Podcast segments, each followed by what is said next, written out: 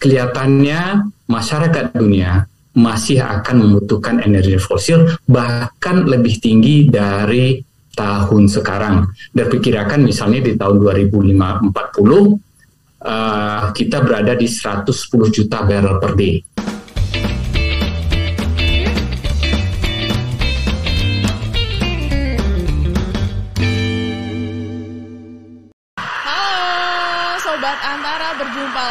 Friday Talk bersama saya Nabila Karisti yang mana episode kali ini kita akan membahas nih soal transisi energi. Dan untuk membahas semua itu tentunya kita akan menghadirkan narasumber mumpuni, narasumber yang memang kita hadirkan secara khusus di Friday Talk kali ini. Langsung saja kita sapa, ini dia Wakil Menteri Energi Sumber Daya Mineral 2016-2019, Bapak Archandra Tahar. Halo Pak Archandra, bagaimana kabarnya Pak? Sehat Pak?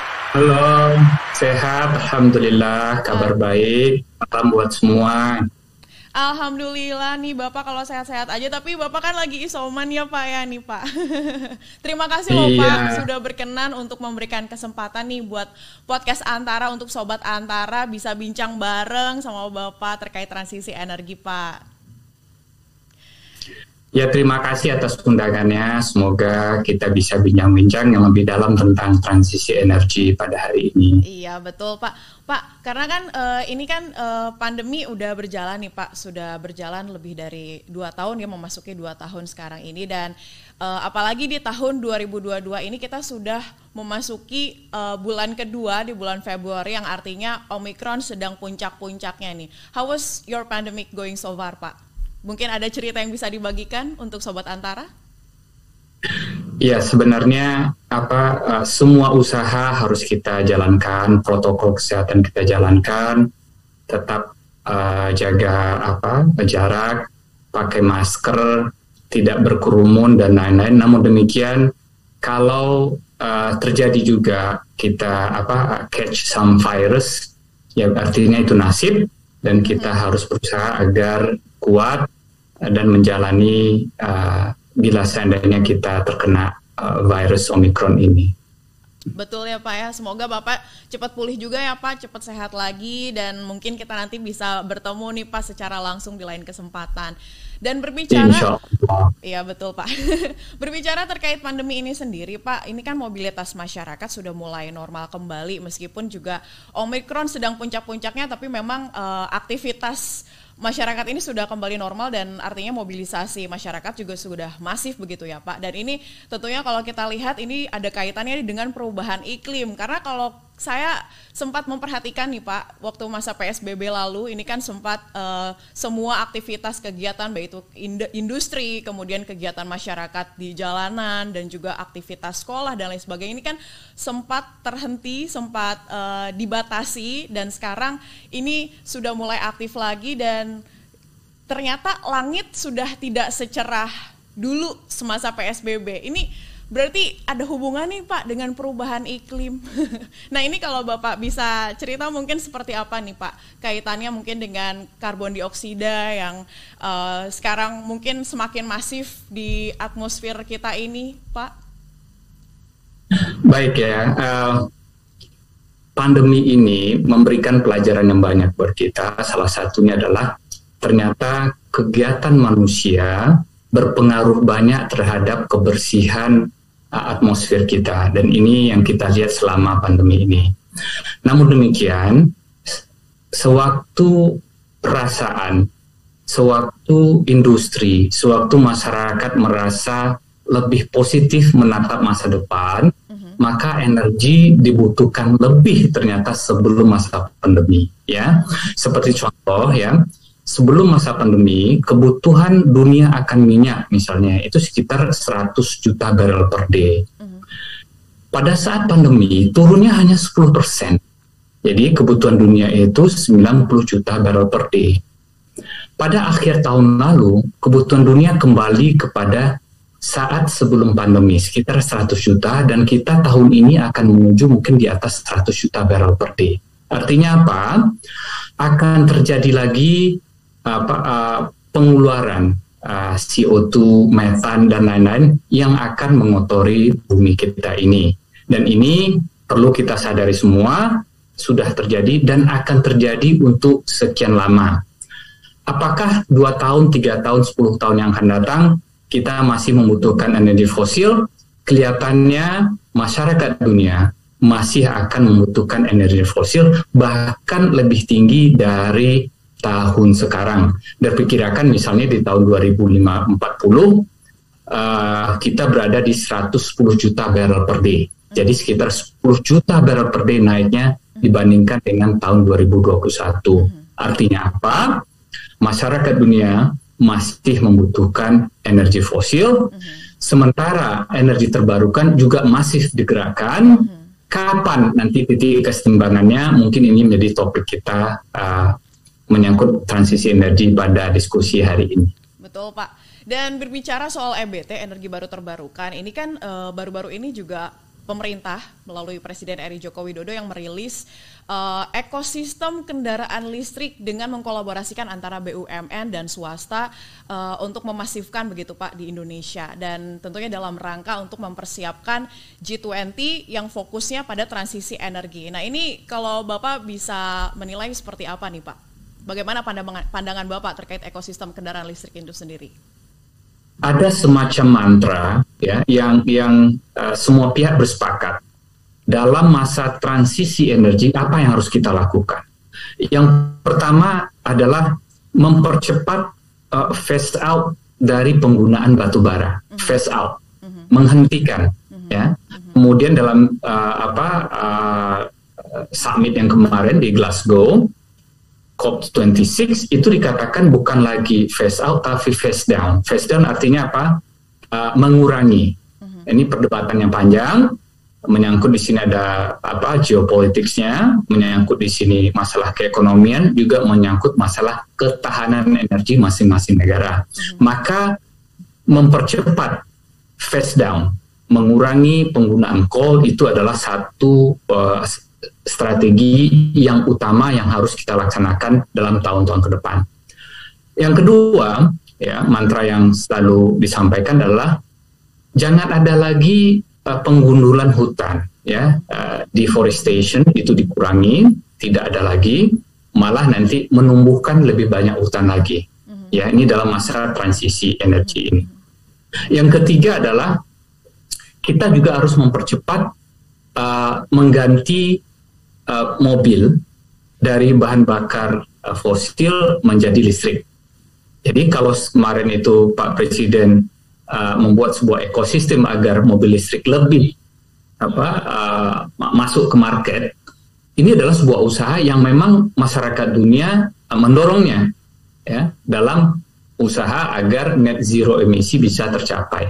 Ya, yang keempat dalam masa transisi ini yang harus kita apa uh, laksanakan adalah uh, mengencourage ya agar investasi di renewable energy bisa ditingkatkan lagi. Mm-hmm. Ya, jadi kita bicara tentang renewable energy. Yang kelima, yang kelima, tidak semua renewable energy atau tidak semua fosil energy mampu digantikan oleh renewable energy. Dan untuk itu kita masih harus menggunakan energi fosil.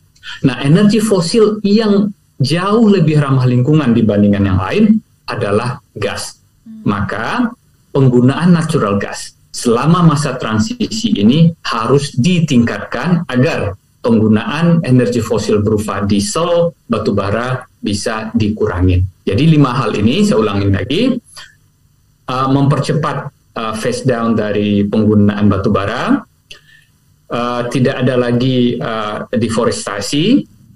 Yang ketiga adalah uh, switch ke uh, mobil listrik. Yang keempat adalah uh, investasi di renewable energy.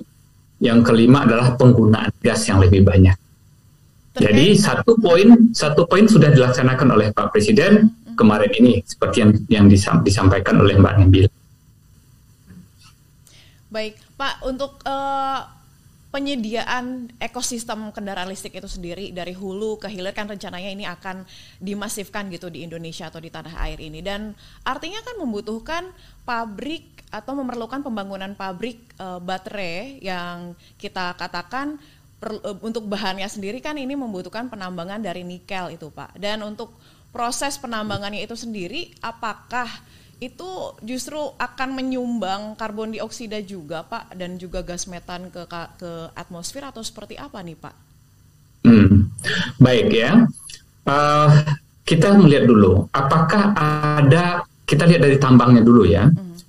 Uh, apakah ada uh, apa material tambang yang ramah lingkungan dibandingkan dengan material tambang yang lain yang tidak ramah lingkungan? Ada. Hmm. Ya, kita bicara. Industri uh, tambang yang banyak menyumbang uh, apa uh, gas rumah kaca itu adalah satu misalnya nikel, yang kedua baja, yang ketiga aluminium. Ini yang yang apa uh, tambang yang menyumbang uh, gas emisi yang terbesar. Hmm. Ada nggak bahan tambang yang uh, tidak atau kurang menyumbang dari sisi gas emisi? Ada, misalnya tembaga, emas itu adalah industri tambang yang lebih sedikit footprint dari CO2 dan lain-lainnya. Hmm. Nah, kita bicara kendaraan listrik, ya. Kalau kendaraan listrik ini baterainya berbasis nikel, ya, seperti yang kita tahu di Indonesia banyak nikel, maka ada kemungkinan di hulunya, ya, di tambangnya kita akan menambah uh, apa gas emisi di hulunya. Namun demikian ada nggak teknologi yang bisa kita gunakan agar gas emisi tadi bisa kita kurangi? Ada. Nah, kita bicara kembali kepada mobil listrik. Jalan dari hulu ke hilir itu panjang. Ya, apa yang pertama? Di mana footprint uh, eh, CO2 kira-kira uh, bisa menyumbang kepada kerusakan alam ini? Yang pertama adalah dari tambangnya sendiri. Ya, kalau kita lihat kalau tambang nikel menggunakan lebih banyak diesel, listriknya digunakan adalah batu bara, ya, maka kemungkinan besar uh, tambang nikel akan menyumbang CO2 yang lebih besar. Hmm. Tapi kalau tambang uh, nikelnya menggunakan energi dari uh, renewable, misalnya dari PLTA, uh, kemudian PLTS dan lain-lain, kemungkinan besar ini akan bisa memperbaiki footprint CO2 yang dihasilkan oleh tambang nikel sendiri. Jadi step satu adalah kita tambang nikel dulu. Setelah kita tambang nikel, kemudian nikel ini diolah menjadi yang dinamakan dengan uh, apa uh, MSP atau MHP, uh, mixed sulfate precipitate atau mixed hydroxide precipitate. Ini adalah produk antara sebelum kita menuju kepada uh, apa uh, kobalt sulfat atau dengan nikel sulfat. Ini yang kita butuhkan untuk membangun katoda. Jadi step satu tambang nikel, step dua produk antara MSP dan HP, step ketiga adalah memurnikan MSP MHP dengan uh, menjadi nikel uh, sulfat dengan kobalt sulfat. Dua ini yang menjadi komponen baterai katoda untuk MNC, misalnya MNC at 11 uh, manganis kobalt nikel dengan komposisi 811 NMC mak maksud saya nikel manganis kobalt hmm. dengan komposisi 811. Nah, ini akhirnya dibentuk dari katoda ini dengan bantuan lithium ion menjadi baterai. Baterai inilah menjadi kendaraan listrik. Rantai sulfat uh, uh, uh, rantai teknologi proses yang harus kita lalui, setiap rantai tersebut menghasilkan karbon uh, karbon emisi. Hmm. Dan untuk itu, dalam rangka untuk uh, menjadikan bumi yang lebih sehat, hmm. setiap rantai proses ini harus kita uh, perhatikan hmm. seberapa besar karbon emisi yang dihasilkannya. Gitu Mbak Nabila. Oke, baik.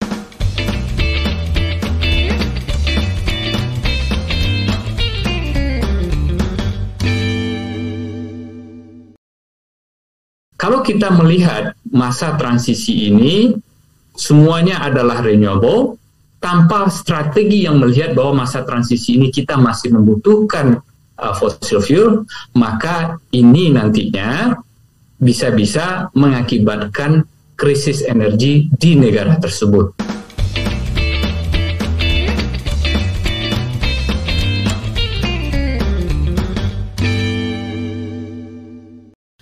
ada nggak sih Pak untuk di Indonesia sendiri teknologi yang bisa mengekstraksi uh, karbon dioksida atau gas metan sebelum dia sampai ke atmosfer gitu. Jadi diekstraksi supaya lebih netral sehingga bersih udaranya. Nah itu sudah ada belum ya Pak untuk inovasi seperti itu? Sudah, teknologinya proven di dunia ini.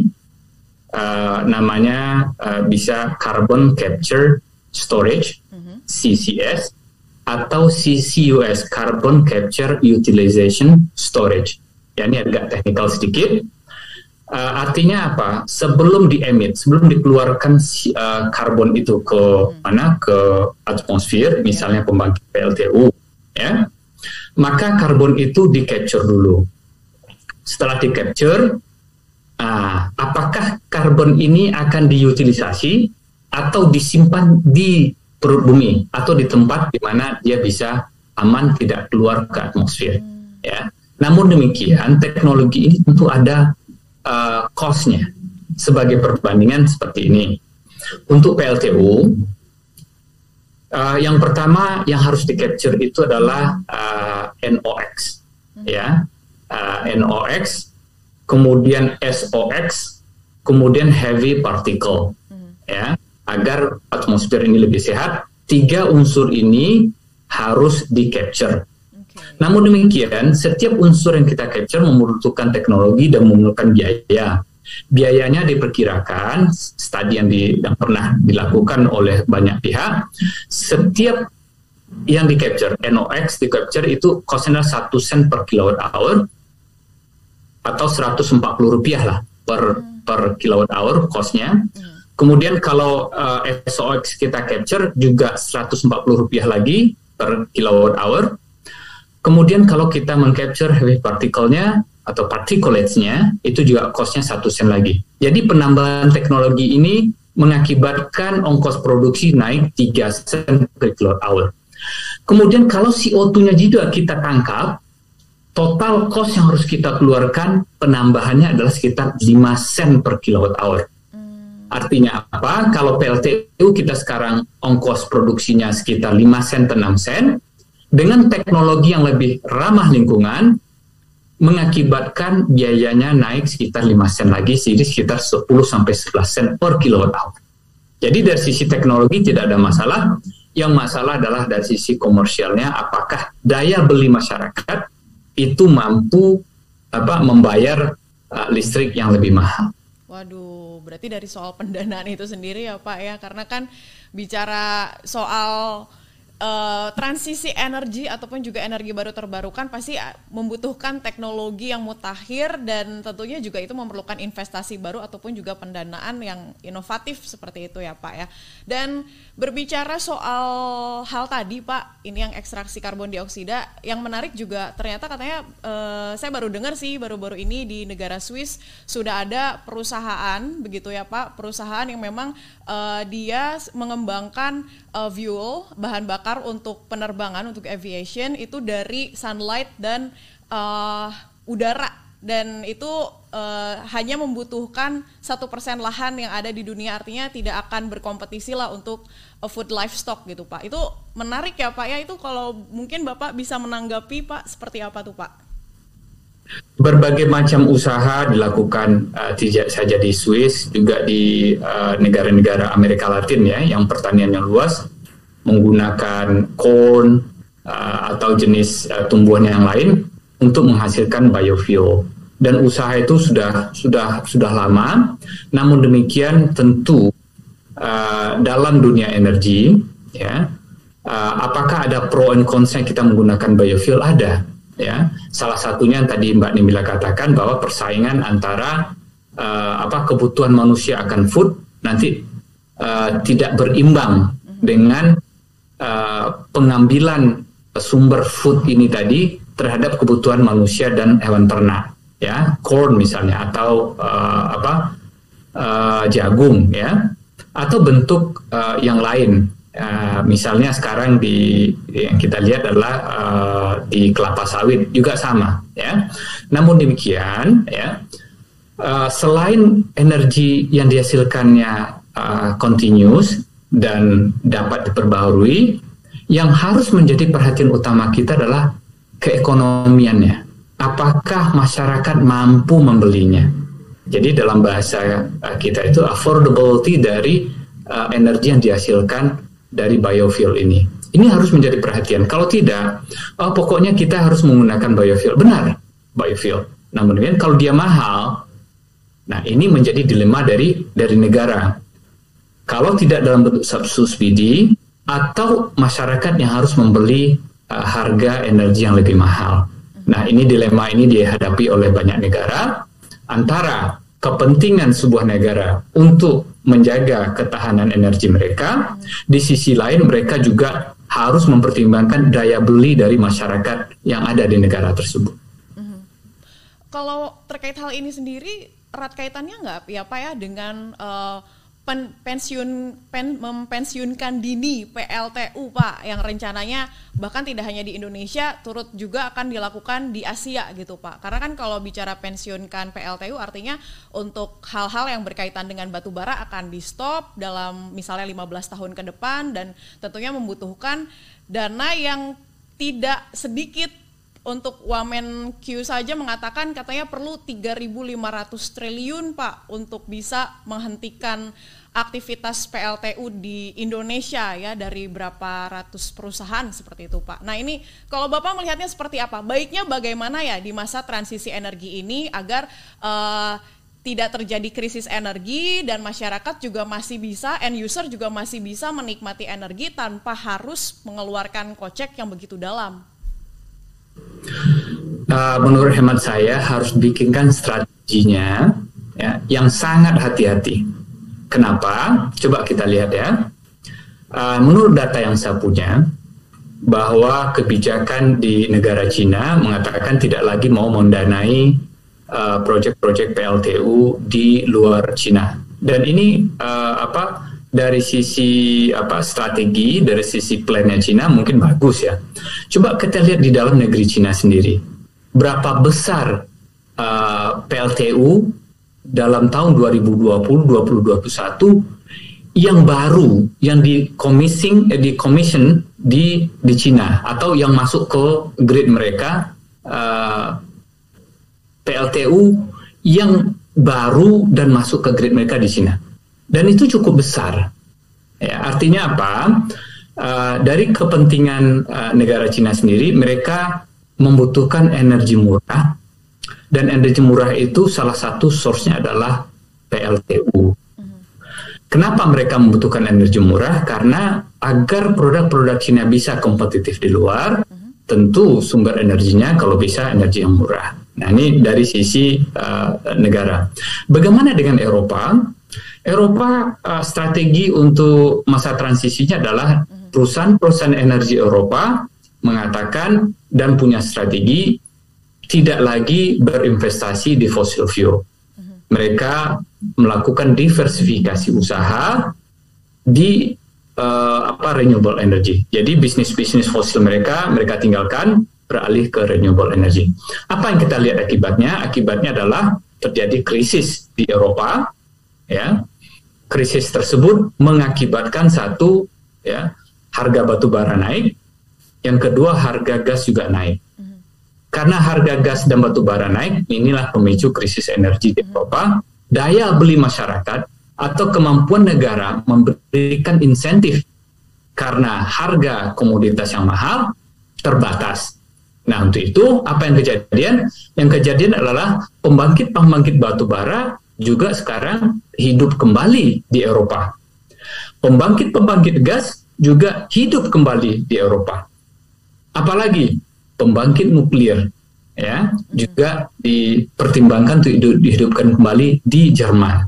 Ya. Nah, kalau kita melihat masa transisi ini semuanya adalah renewable tanpa strategi yang melihat bahwa masa transisi ini kita masih membutuhkan uh, fossil fuel, maka ini nantinya bisa-bisa mengakibatkan krisis energi di negara tersebut. Nah, sebelum itu terjadi, ya bagaimana dengan kita di Indonesia? 50% lebih dari 50% sumber energi kita untuk pembangkit berasal dari batu bara. Untuk mempensiunkan diri yang 50% ini penggantinya apa? Nah, ini harus kita pikirkan dulu. Penggantinya apa? Yeah. Yang lebih bersih, dan secara keekonomian juga bisa kompetitif. Nah, ini sebuah apa tantangan yang tidak gampang untuk dicarikan solusinya, ya. Mari kita lihat dari sisi teknikal dulu. Kalau kita gantikan dengan renewable energy, renewable energy yang mana? Ah, kalau matahari atau uh, angin, dua-duanya tersedia kalau anginnya ada atau ada mataharinya ada. Kalau nggak ada, energi nggak ada. Terus yang membackup energi apa? Hmm. Mau tak mau, yang membackup itu energi yang bisa tersedia sepanjang masa. Hmm. Yang murah adalah batu bara misalnya. Ada lagi yang lain, ada air. Hmm. Ada lagi yang lain, geothermal. Jadi geothermal adalah uh, bentuk energi yang bisa menggantikan sifatnya ya dari sisi ketahanan energi uh, dalam waktu yang lama tidak seperti matahari dan dan dan apa dan angin maka kita harus mendevelop lebih banyak uh, apa uh, geothermal sebelum kita menghentikan atau uh, mengurangi uh, coal power plant. Selain itu apa yang tersedia sekarang? Di Indonesia coal kita 50 persen, uh, sekitar 20-an persen itu adalah gas, sisanya diesel dan lain-lain, ya. Dan untuk itu memang strateginya harus tepat, cermat sebelum kita mengatakan uh, apa bye-bye terhadap coal power plant.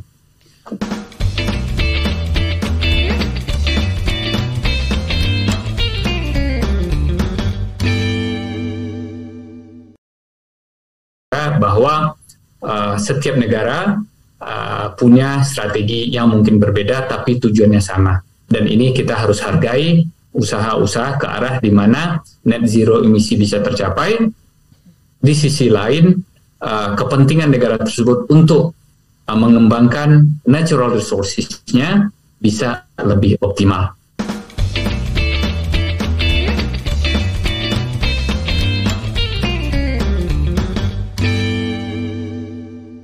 Melihat infrastruktur uh, dari Indonesia yang merupakan negara kepulauan. Nah, itu kalau dilihat dari hal tersebut bagaimana, Pak? Memang membuat strategi uh, ketahanan energi sebuah negara dalam masa transisi ini tidak bisa serta-merta mencontoh ke negara lain. Ini unik, ya. Kebutuhan sebuah negara dengan negara lain itu beda, ya. Banyak pertimbangannya. Selalu saya sampaikan, kalau kita mencontoh ke Amerika, Amerika beda. Mereka adalah negara kontinen besar. Mencontoh ke Eropa, Eropa adalah negara kontinen berbagai negara di kontinen, ya. Sementara kita adalah negara kepulauan termasuk kepulauan yang terbesar di dunia. Nah, strateginya berbeda dari sisi geografi saja kita sudah berbeda, ya. Yang kedua yang kita lihat adalah uh, dari sisi kemampuan daya beli masyarakat Ya. Eropa harga listrik lebih mahal dengan renewable energy itu mampu dibeli oleh masyarakatnya. Gimana dengan negara-negara yang daya belinya uh, mungkin tidak sekuat Eropa dan Amerika. Dan ini harus menjadi pertimbangan. Yang ketiga apa? Apakah kita masih mengejar pertumbuhan ekonomi apa tidak? Ya. Kalau kita masih mengejar pertumbuhan ekonomi, artinya apa? Kita masih membutuhkan energi yang murah. Yang keempat yang harus kita pertimbangkan juga bahwa ada negara yang kaya akan ke, uh, uh, apa dengan uh, natural resources-nya, ya. Ada negara yang sudah tidak ada natural resources-nya atau sudah uh, di, dimanfaatkan semua. Nah, kita berbeda. Negara kita masih kaya akan uh, sumber daya alam dan sumber daya alam ini sesuai dengan amanat undang-undang dasar kita harus dimanfaatkan untuk sebesar-besarnya kemakmuran rakyat. Nah, mencari titik kesetimbang, memanfaatkan sebesar-besarnya kemakmuran rakyat, juga dengan mempertimbangkan ke depan kita harus menjaga bumi ini lebih sehat, di situlah dibikinkan strategi yang pas agar kita ke depannya bisa berkontribusi menjaga alam lebih sehat, di saat sisi yang lain kekayaan alam kita bisa diolah sebesar-besarnya untuk kemakmuran rakyat. Carilah titik kesetimbangannya. Tapi terakhir ini Pak, saya penasaran sekali karena di bulan Oktober ini Indonesia kan akan segera menyambut negara-negara anggota G20, G20 di mana akan membawa fokus terkait soal transisi energi nih Pak. Dan Indonesia ini dituntut ataupun juga didorong untuk menjembatani negara-negara G20 tersebut untuk mempercepat proses transisi sehingga menghasilkan uh, energi yang berkeadilan dan juga uh, berkelanjutan. Nah, ini masukan dari Bapak seperti apa nih Pak? Uh, pertama masukannya tentu uh, kita mendukung ya usaha-usaha dalam rangka menuju net zero emisi uh, untuk Indonesia di tahun 2050 ya atau negara lain di 2050 atau 2060. Kita harus ikut di sana dan kita tidak punya pilihan untuk mengatakan bahwa kita tidak mendukung usaha untuk net zero emisi. Harus itu. Yang kedua, yang perlu di, di apa di uh, elaborate ya, bahwa uh, masing-masing negara seperti yang saya jelaskan tadi punya apa karakteristik yang berbeda dan untuk itu uh, strategi transisinya juga harus berbeda. Tidak bisa sebuah negara besar atau negara A uh, mendiktekan uh, harus seperti apa uh, transisi energi di negara yang lain ya dan untuk itu uh, dalam dialog nantinya silahkan apa uh, untuk berbicara bahwa uh, setiap negara uh, punya strategi yang mungkin berbeda tapi tujuannya sama dan ini kita harus hargai usaha-usaha ke arah di mana net zero emisi bisa tercapai di sisi lain uh, kepentingan negara tersebut untuk uh, mengembangkan natural resources-nya bisa lebih optimal. Ya. Nah, yang ketiga adalah silahkan juga berbicara tentang uh, titik kesetimbangan. Ya, sebelum kita menuju ke net zero, titik kesetimbangan ini harus dicarikan jalan keluarnya. Seberapa lama kita masih bisa menggunakan energi fosil? Uh, kemudian uh, energi fosil apa yang lebih ramah lingkungan dibandingkan dengan energi fosil yang lain. Dan ini juga harus dicarikan jalan keluarnya agar tidak terjadi uh, saling apa uh, saling apa ya uh, ketidaksepakatan bahwa negara A uh, menggebu-gebu usaha untuk net zero-nya sementara negara lain dirasa masih lambat. Dan untuk itu kalau pertemuan-pertemuan uh, antar uh, kepala negara ini uh, bisa membuahkan hasil yang lebih konkret dalam rangka menuju bumi yang lebih bersih. Baik, terima kasih banyak Pak Archandra Tahar. Aduh, ternyata berbicara terkait perubahan iklim ini sendiri tantangannya ternyata lebih rumit ya dari bagaimana kita melawan pandemi COVID-19. Sekali lagi terima kasih atas kesempatannya Pak Ican. Semoga sehat selalu dan yang pastinya semoga renewable energy ini atau energi baru terbarukan ini bisa segera diimplementasikan di tanah air tanpa harus ada krisis energi dan yang pastinya bisa dinikmati uh, secara berkeadilan untuk seluruh masyarakat di Indonesia khususnya. Dan dengan demikian bincang-bincang kita hari ini bersama dengan Pak Ican, Pak Archandra Tahar sudah kita akhir sampai di sini. Kita akan bertemu lagi di lain kesempatan dengan episode yang lebih menarik lainnya. Dan jangan lupa untuk menyaksikan Friday Talk yang tentunya tayang pada portal antarnews.com, kanal YouTube Antara TV Indonesia dan juga program kami yang terdapat di saluran UCTV serta juga Anda bisa menyaksikan ataupun juga mendengarkannya melalui Spotify. Saya Nabila Karisti pamit, sampai jumpa.